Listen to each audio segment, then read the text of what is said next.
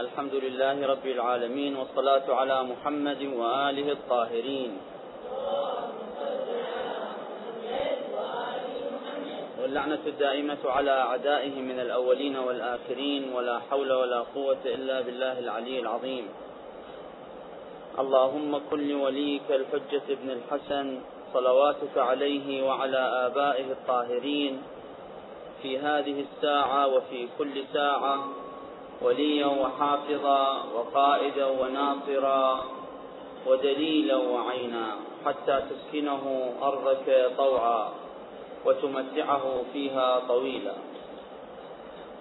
كان الكلام في المحاضرة السابقة حول المحور الرابع من من محاور بحثنا وكان المحور الرابع هو الجهات الموجبة للدعاء له عجل الله تعالى فرجه الشريف. وعفوا كان هذا هو المحور الثالث. المحور الرابع سوف نذكره في هذه المحاضرة. المحور الثالث الذي ذكرناه في اليوم الماضي هو الجهاد الموجبة للدعاء له عجل الله فرجه الشريف. وقلنا هي جهات متعددة وكثيرة. ذكرنا بعضها في المحاضرة السابقة ونذكر آه، في بداية هذه المحاضرة أيضا بعض هذه الأمور المهمة ثم ننتقل إلى ما أعددناه من المحور الرابع في هذه المحاضرة إن شاء الله. من الأمور التي توجب الدعاء للإمام عليه السلام وتوجب الدعاء لتعجيل فرجه أن فرج المؤمنين يكون أو يكمن في فرج المولى عجل الله تعالى فرجه الشريف. فرج المؤمنين على يديه. والتوقيع المنقول والمروي عن الإمام عليه السلام الذي يقول فيه وأكثر الدعاء بتعجيل الفرج فإن ذلك فرجكم فإن ذلك فرجكم عفوا. آه هذا التوقيع إن شاء الله يسجل ويحفظ.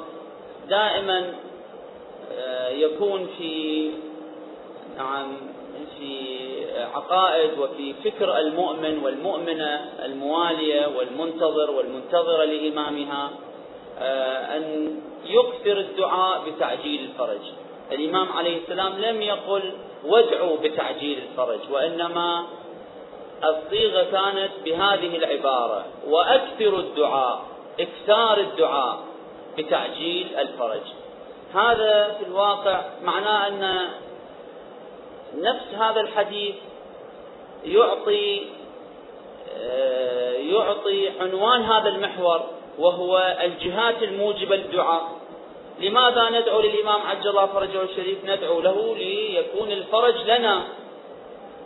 فإذا هذا الدعاء فيه عنوان المحور الذي نتحدث فيه وفيه الأمر الذي يوجب الدعاء أيضا وهو ماذا؟ الإكثار من الدعاء. وكذلك نقرأ في زيارة الإمام صاحب الزمان عليه السلام في يوم الجمعة نقول وهذا يوم الجمعة وهو يومك المتوقع فيه ظهورك والفرج فيه للمؤمنين على يديك وقتل الكافرين بسيفك. فرج المؤمنين بظهور الإمام عليه السلام فإذا هذا أمر من الأمور التي تستوجب الدعاء له.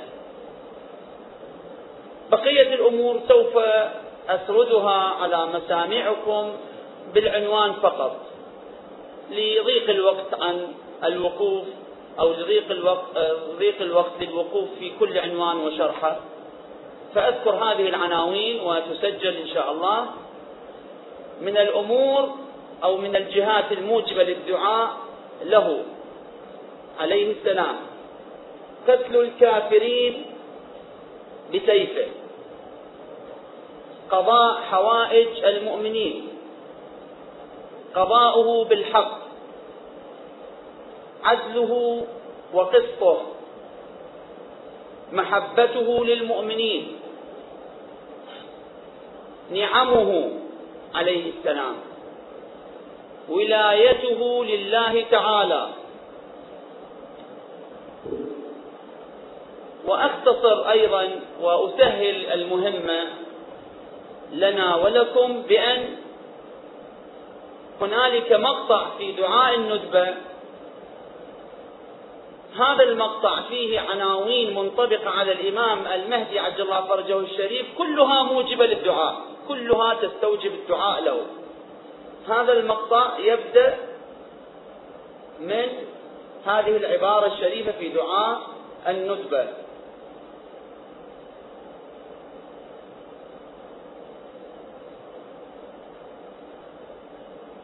أين بقية الله التي لا تخلو من العترة الهادية؟ أين المعد لقطع دابر الظلمة؟ أين المنتظر لإقامة الأمس والعوج؟ أين المرتجى لإزالة الجور والعدوان؟ أين المدخر لتجديد الفرائض والسنن؟ أين المتخير لإعادة الملة والشريعة؟ أين محيي معالم الدين وأهله؟ أين قاصم شوكة المعتدين؟ أين هادم أبنية الشرك والنفاق؟ أين مبيد أهل الفسوق والعصيان والطغيان؟ أين حاصد فروع الغي والشقاق؟ أين طامس آثار الزيغ والأهواء؟ أين قاطع حبائل الكذب والافتراء؟ أين مبيد العتاة والمرد؟ أين مستأصل أهل العناد والتضليل والإلحاد؟ أين معز الأولياء ومذل الأعداء؟ أين جامع الكلم على التقوى؟ أين باب الله الذي منه يؤتى؟ أين وجه الله الذي يتوجه إليه الأولياء؟ أين السبب المتصل بين الأرض والسماء؟ إلى آخر هذه الفقرات. كل فقرة من هذه الفقرات عنوانها هو مما يوجب الدعاء له عجل الله تعالى فرجه الشريف. حينما تقول أين المعد لقطع دابر الظلمة؟ يعني الإمام المهدي هو الذي أعده الله لقطع دابر الظلمة والكفر والفسق والجبابرة. فهذا يوجب الدعاء له. أين بقية الله؟ أين المنتظر لإقامة الأمس والعوج؟ يعني الإمام المهدي عليه السلام على عاتقه وبعهدته إقامة الأمس والإعوجاج في الأمة. وهكذا إزالة الجور والعدوان. إلى آخر العناوين تطبقوها. هذا في الواقع آه، يعني بعض الأمور التي آه، تكون في هذا المحور الثالث أو الجهاد التي آه، المتعددة التي توجب التي توجب الدعاء له عليه السلام. ما ذكرناه في المحاضرة السابقة وما بينته في هذا اليوم وطبعا هذا آه، الذي ذكرته في هذا اليوم يدعو الأخوات الفاضلات أن يراجعن هذه المقاطع ويستخرجن هذه العناوين ويتدبرن هذه المعاني حتى آه، يكون المحفز والموجب للالتزام بالدعاء للإمام عليه السلام أكثر قوة وأشد تأثيرا في النفوس إن شاء الله. أما محور البحث في المحور الرابع. المحور الرابع هو بعد هذه الأمور التي ذكرناها ندخل في نفس الدعاء العنوان الذي نقول الدعاء للإمام الغائب عليه السلام. ألف وباء وجيم ودال. ألف صفات الداعي. باء كيفية الدعاء. جيم الأوقات التي يتأكد فيها الدعاء. ها عفوا جيم دال الأمكنة التي يتأكد فيها الدعاء.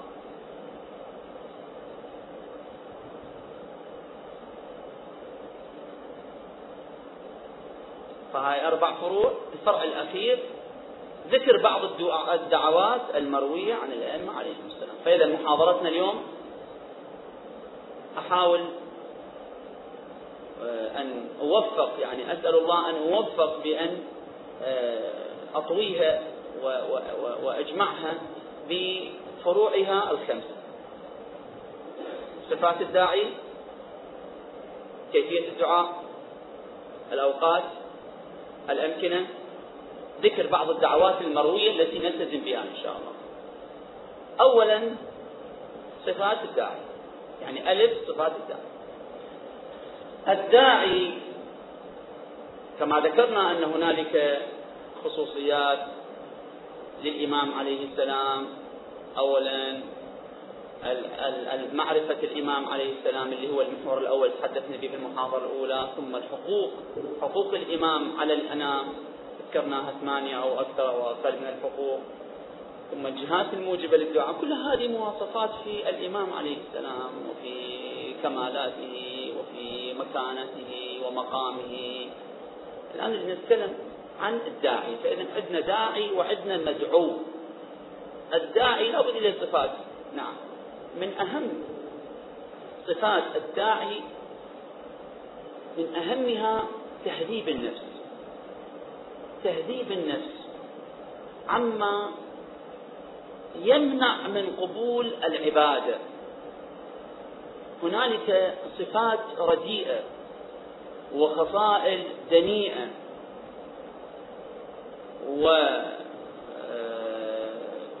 وملكات أو أعمال موبقة. إذا ارتكبها الإنسان هاي تمنع عن الدعاء. تحجب الدعاء.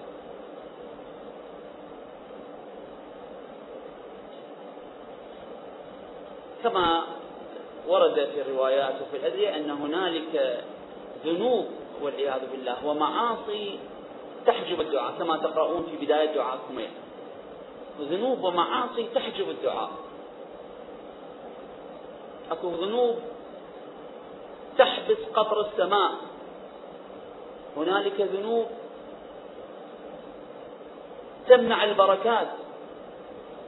مذكورة في محلها. الكلام عن صفة الداعي الذي يدعو لإمامه عليه بتهذيب النفس. وبعبارة أخرى عليه أن يكون أن يكون دعاؤه صادقا. لا يكون دعاء زائد؟ شلون يعني كيف يكون دعاؤه صادق ويحاول أن لا يكون دعاء زائد؟ أن يكون دعاؤه صادقا بأن يدعو لإمامه. يدعو لإمامه ماذا؟ يدعو لإمامه بظهوره بتعجيل فرجه.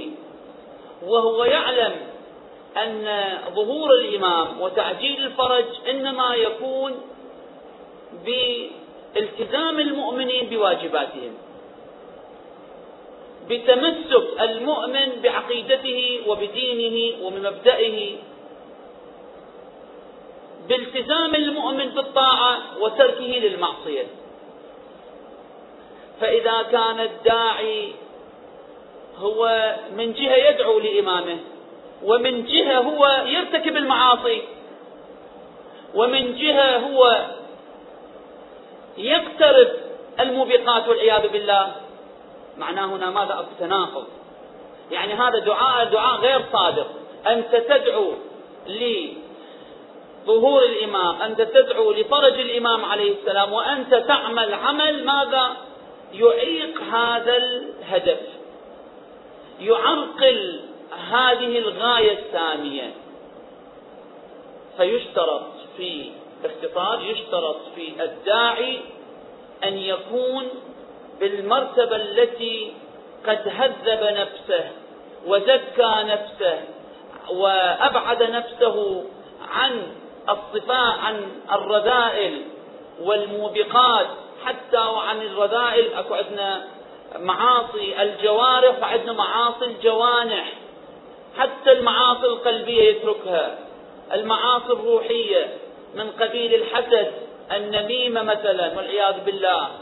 آه، حب الظهور والعياذ بالله. آه، الكبر. نعم. كذلك الغيبة. هذه بعض الأمراض اللي قد تنتشر يعني بشكل خفي بين المؤمنين والمؤمنين هم غافلين عن ذلك. المؤمنون غافلون عن ذلك. هذه صفة مهمة بل هي حتى يكون الدعاء ماذا؟ يكون دعاء صادقا.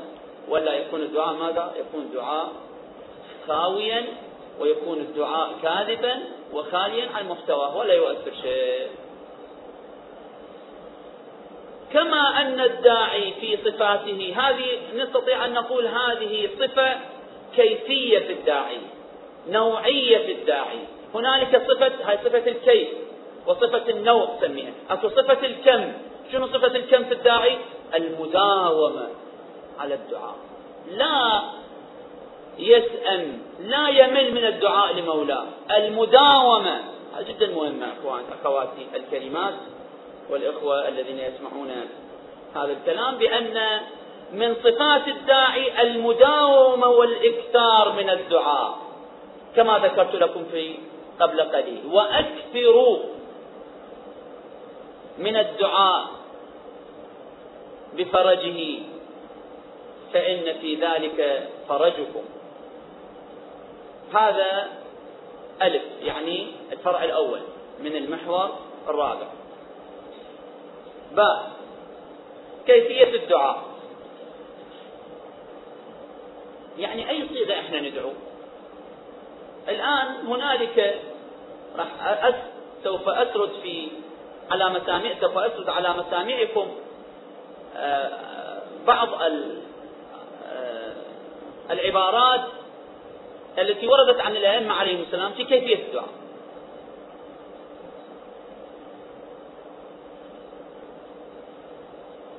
أول عبارة نقول اللهم عجل فرج مولانا صاحب الزمان.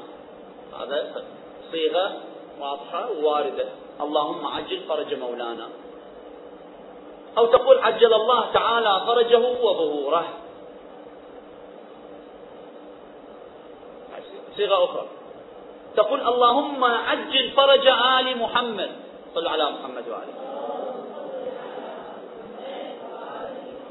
لأن فرج آل محمد هو فرجهم وفرج الإمام هو فرج آل محمد. فتقول اللهم عجل فرج آل محمد. هذه الصيغة الثانية. إن شاء الله هذه الصيغ نحاول أن نحاول أن تسجل وإن شاء الله تحفظ. حتى الداعي المنتظر هو في سعة في فقرات ارتباطه بإمامه عليه السلام. لا يتحير شي يقول وشي يدعي وتتغير هذه العبارات حتى يأنس بهذه العبارات. وحتى اللي يسمعه يعرف بأنه هذا فعلا مرتبط بمولاه. عنده عدة جهات وعدة عبارات يدعو بها وكل عبارة لها معنى عظيم.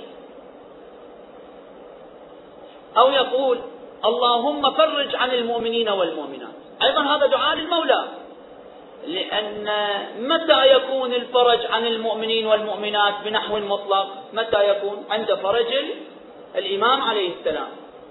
ففرج الإمام هو فرج للمؤمنين والمؤمنات. فندعو باللازم مو بنفس الشيء مو بالملزوم يعني نقول اللهم فرج عن المؤمنين والمؤمنات. هذا أيضا صيغة من صيغ الدعاء. صيغة أخرى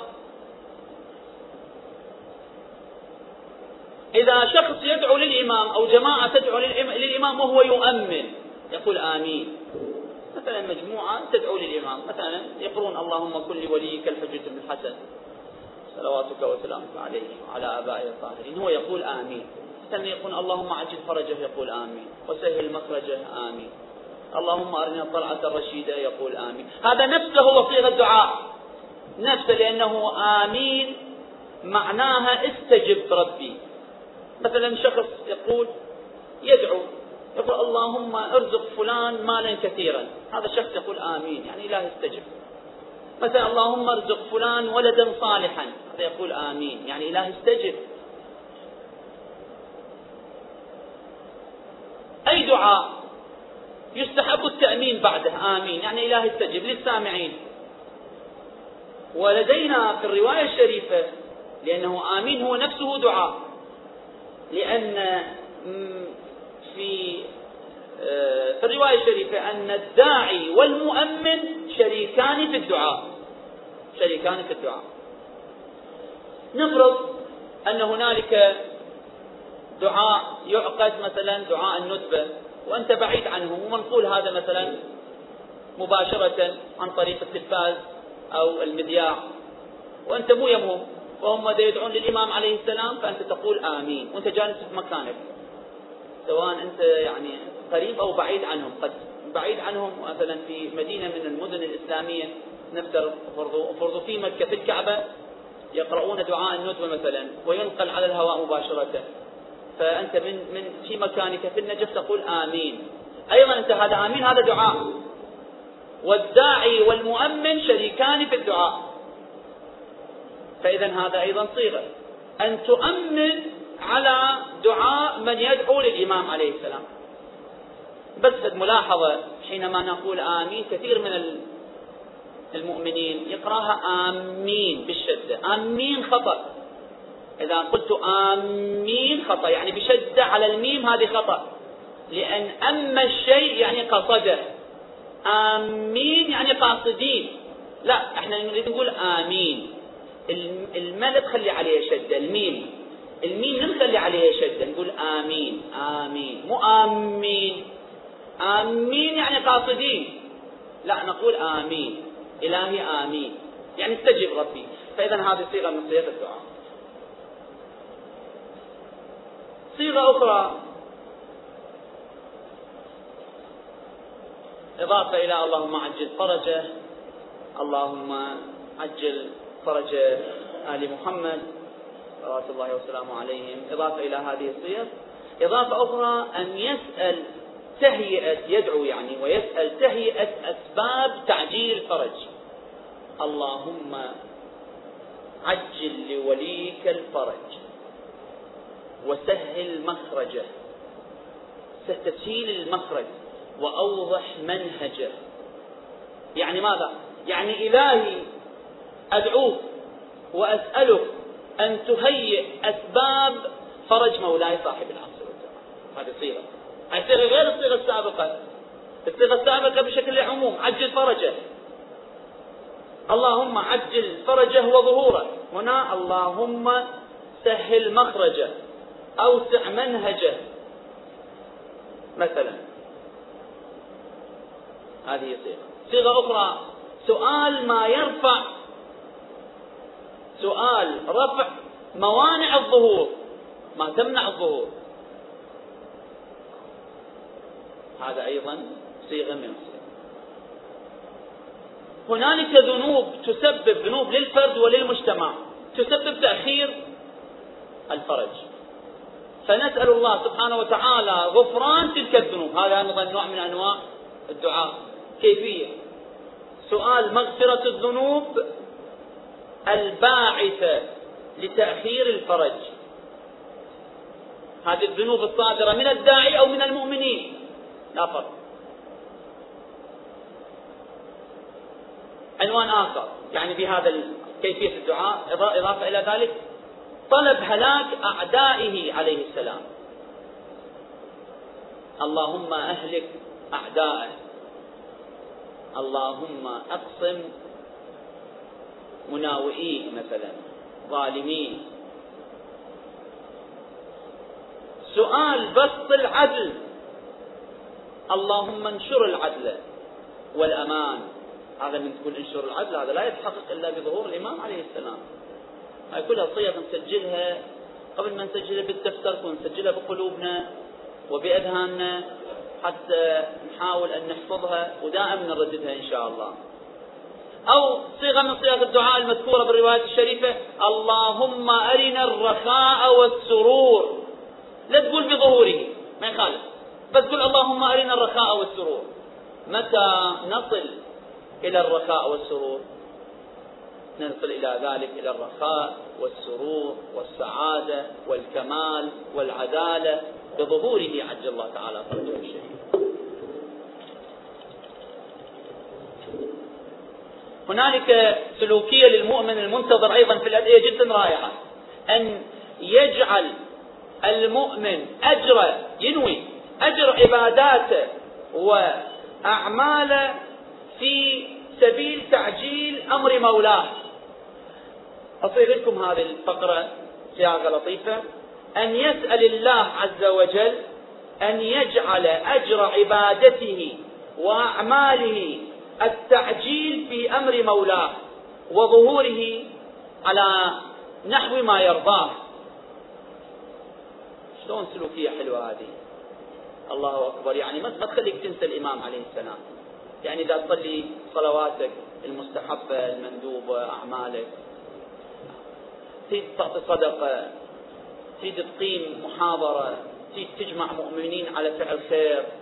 كله تنوي تقول إلهي هذا خليه ثوابه في سبيل تعجيل فرج مولاي إمام صاحب العصر والزمان بعد ترتبط ارتباط عضوي وارتباط دائم. مو فقط بالذكر. وبالفكر وإنما ترتبط بالعمل والتطبيق. أيضا من الأدعية تسأل الانتقام من أعداء الدين وظالمي أهل البيت عليهم السلام.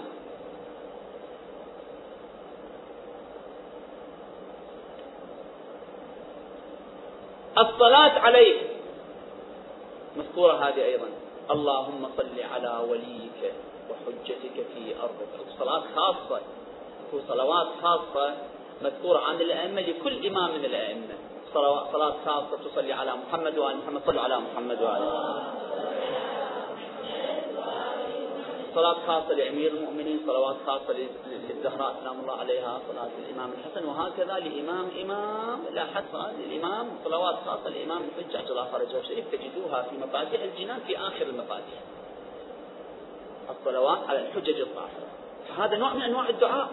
يعني مثل ما تقول اللهم عجل فرجه وسهل مخرجه تقول اللهم صل على وليك وابن وليك وحجتك في أرضك وخصوصا تلتزم بصيغة الدعاء المذكورة.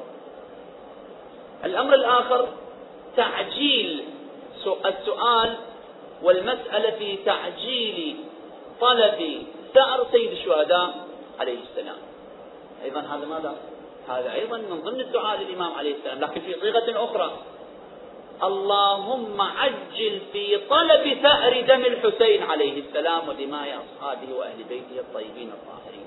هذا هو نفس دعاء يشمل عقيدتك بالإمام سيد الشهداء عليه السلام وعقيدتك بالإمام المهدي سلام الله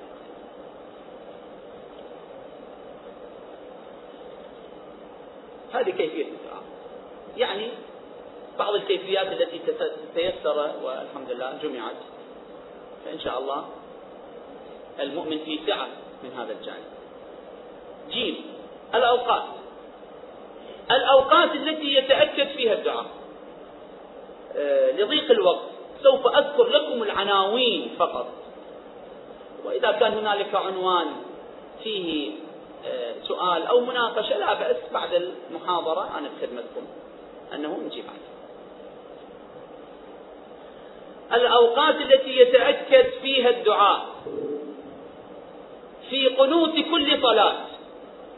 بالقنوت وهنالك قنوت وارد عن الأئمة عليهم السلام مذكور في الكتب المخصوصة للدعاء. هذه هذا القنوت بعضه مذكور عن أمير المؤمنين عليه السلام أو عن الإمام الحسن سلام الله عليه وبقية الأئمة عليهم السلام يذكر فيه الدعاء للإمام الحجاج الله فرجه الشريف فإذا في نفس الصلاة. وإذا ما كنت ما كنا حافظين قنوت لمخصوص لهذا أي دعاء من أي صيغة دعاء أنت تح أنت تحفظها أيها المؤمن وأيتها المؤمنة. تتعلق بالإمام تقرأها في القنوت. مثلا تقرأ اللهم كل وليك الحجة بن الحسن. صلوات صلوات الله عليه. تقرأ. أو تقرأ اللهم عرفني نفسك فإنك إن لم تعرفني نفسك لم أعرف رسولك. اللهم عرفني رسولك فإنك إن لم تعرفني رسولك لم أعرف حجتك. اللهم عرفني حجتك فإنك إن لم تعرفني حجتك ضللت عن ديني. وصلى الله على محمد. هذا في القنوت. هذا أكبر دليل على أنك مرتبط بإمامك. حتى في الوقت الذي تقف بينك وبين ربك وحينما تقف في معراجك مع الله سبحانه وتعالى أنك لا تنسى إمام زمانك. أنه يعيش معك. يعيش في ضميرك ويعيش في قلبك ويعيش في سلوكك ويعيش في أورادك وفي صلاتك وفي توجهك إلى الله سبحانه وتعالى. اثنين. بعد كل فريضة. بعد كل فريضة هنالك دعاء مذكور عن وثابت على أن من تعقيبات الصلاة بعد كل فريضة هذا الدعاء الذي يتضمن يتضمن الدعاء للمولى عجل الله فرجه الشريف. تقول لا بس أن نقرأ هذا الدعاء إن شاء الله نلتزم فيه من اليوم بعد كل صلاة. من تعقيبات الصلاة. رضيت بالله ربا وبالإسلام دينا. بعض المؤمنين والمؤمنات ملتزمين بهذا ملتزمون بهذا الدعاء. رضيت بالله ربا وبالإسلام دينا وبمحمد صلى الله عليه وآله نبيا وب... صلوا على محمد وآله وبعلي إماما وبالحسن والحسين وعلي ومحمد وجعفر وموسى وعلي ومحمد وعلي والحسن والخلف الصالح عليهم السلام أئمة وسادة وقادة بهم أتولى ومن أعدائهم أتبرأ. موجود؟ صلوا على محمد وآل محمد. هذا موجود في تعقيبات الصلاة. وأيضا عندنا آه، لا بأس أن أبين عندنا حديث يعطي قاعدة كلية. الحديث يقول عن الإمام عليه السلام إن لكل مؤمن بعد كل صلاة دعوة مستجابة. لكل مؤمن بعد كل صلاة دعوة مستجابة. إذا دعوة مستجابة فاجعل أيها المؤمن وأيتها المؤمنة الكريمة اجعلي هذه الدعوة المستجابة مختصة بإمام زمانك. بأن وبإمام زمانك أيها المؤمن بأن تدعو للفرج بعد الصلاة. قدم قدم اهتمامك بنفسك وعنايتك لنفسك. قدم اهتمامك بإمامك ولظهوره عن هذا الاهتمام. عندك اهتمامين اهتمام بنفسك واهتمام بشؤونك واهتمام بحاجياتك وهنالك إمام زمانك. قبل أن تدعو هاي بعد الصلاة. قبل أن تدعو هذه الدعوة المستجابة ادعو لإمامك. بالفرج وبالظهور الوقت الآخر هاي بصورة عامة بعد كل فريضة. أكو خصوص بعد صلاة الصبح وبعد صلاة الظهر.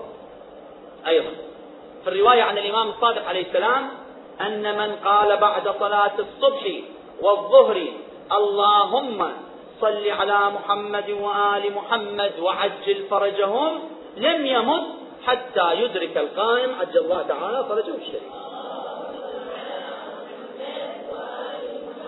حال السجود. أيضا لأن أقرب ما يكون العبد إلى ربه حال سجوده. فيدعو إلى فيدعو لتعجيل فرج مولاه ولظهوره. الوقت الآخر أثناء صلاة الليل.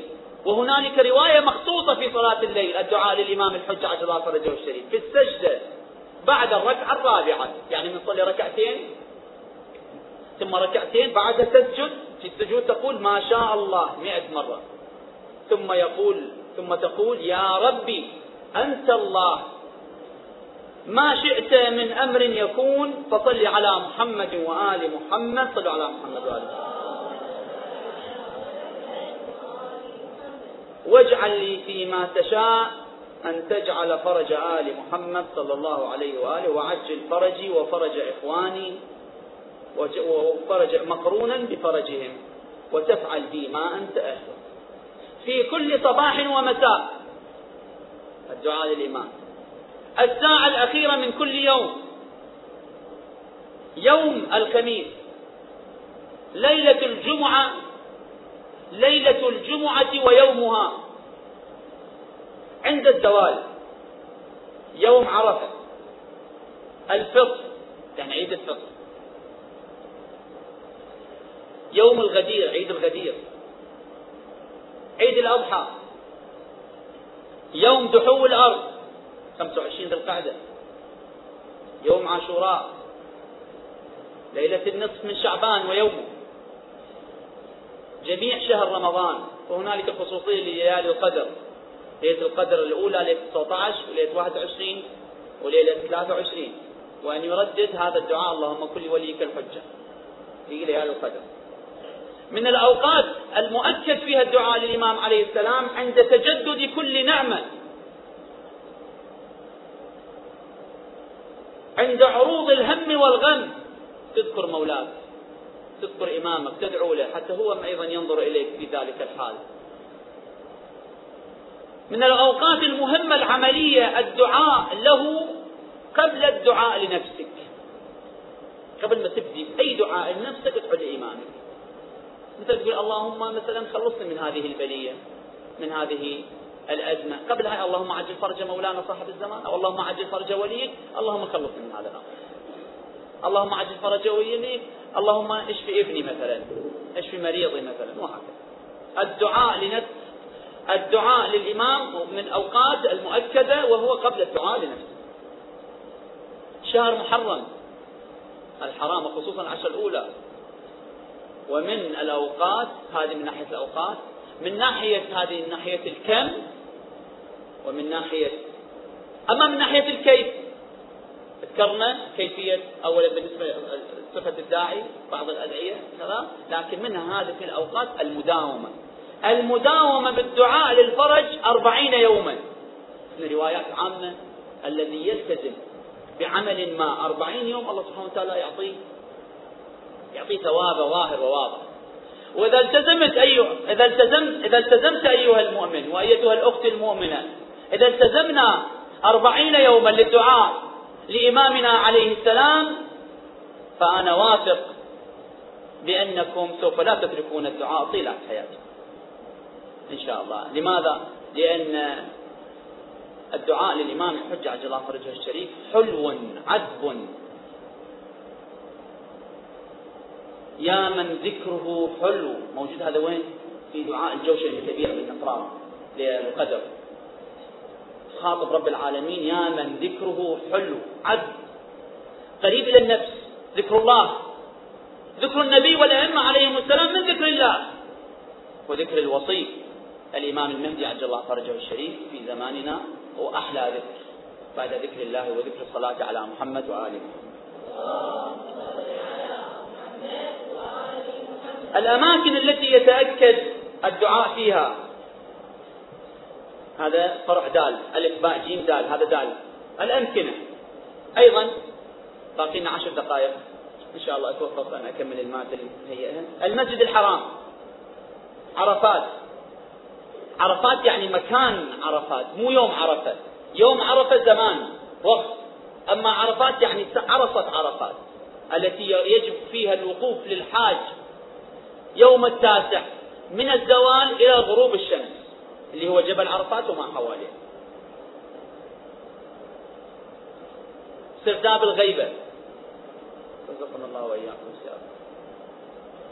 المقامات والمشاهد المنسوبة للإمام الحجة عبد الله تعالى فرجه الشريف. أماكن مقامات منسوبة للإمام. نحاول نسعى أن نحضر فيها وندعو للإمام لفرجه. هذه الأماكن على سبيل المثال وليس الحصر ولا الحصر. مسجد الكوفة مسجد السهلة مسجد صعصعة مسجد جمكران في قم. هذه الأماكن المنسوبة للإمام عليه السلام وغيرها. حرم سيد الشهداء عليه أفضل الصلاة والسلام. الحائر الحسيني في كربلاء. حرم الإمام الرضا عليه السلام. أكو هنالك صلوات خاصة في حرم الإمام الرضا عليه السلام يذكر فيها الإمام المهدي عبد الله وحرم العسكريين عليهم السلام. هذه أكو روايات خاصة وهنالك روايات عامة. مشهد كل واحد من الأئمة عليهم السلام. الزمان المكان القلوب الأرواح. كلها متجهة نحوك يا مولاي يا صاحب الأمر والزمان. نحن شيعتك ونحن مواليك ونحن نتطلع أن نكون من أنصارك فأعنا على ذلك. هذا هو الفرع الرابع. أما الفرع الخامس في ذكر بعض الدعوات المروية عن الأئمة الطاهرين عليهم السلام.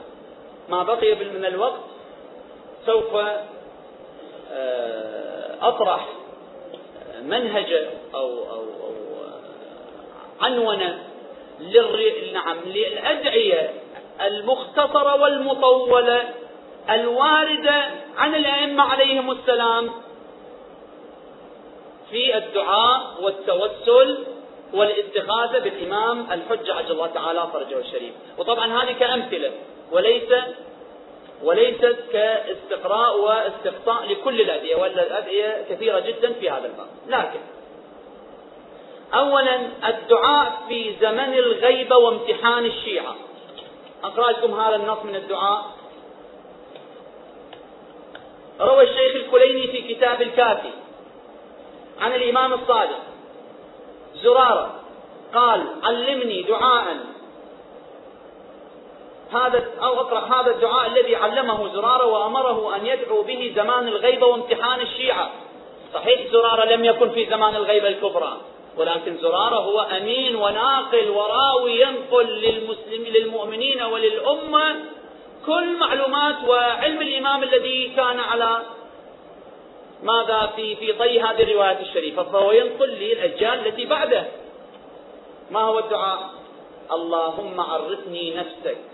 فإن لك فإنك إن لم تعرفني نفسك لم أعرف رسولك. اللهم عرفني رسولك فإنك إن لم تعرفني رسولك لم أعرف حجتك. اللهم عرفني حجتك فإنك إن لم تعرفني حجتك ضللت عن ديني. هذا دعاء نلتزم به إن شاء الله خاصة هو مخصوص في زمن الغيبة الكبرى.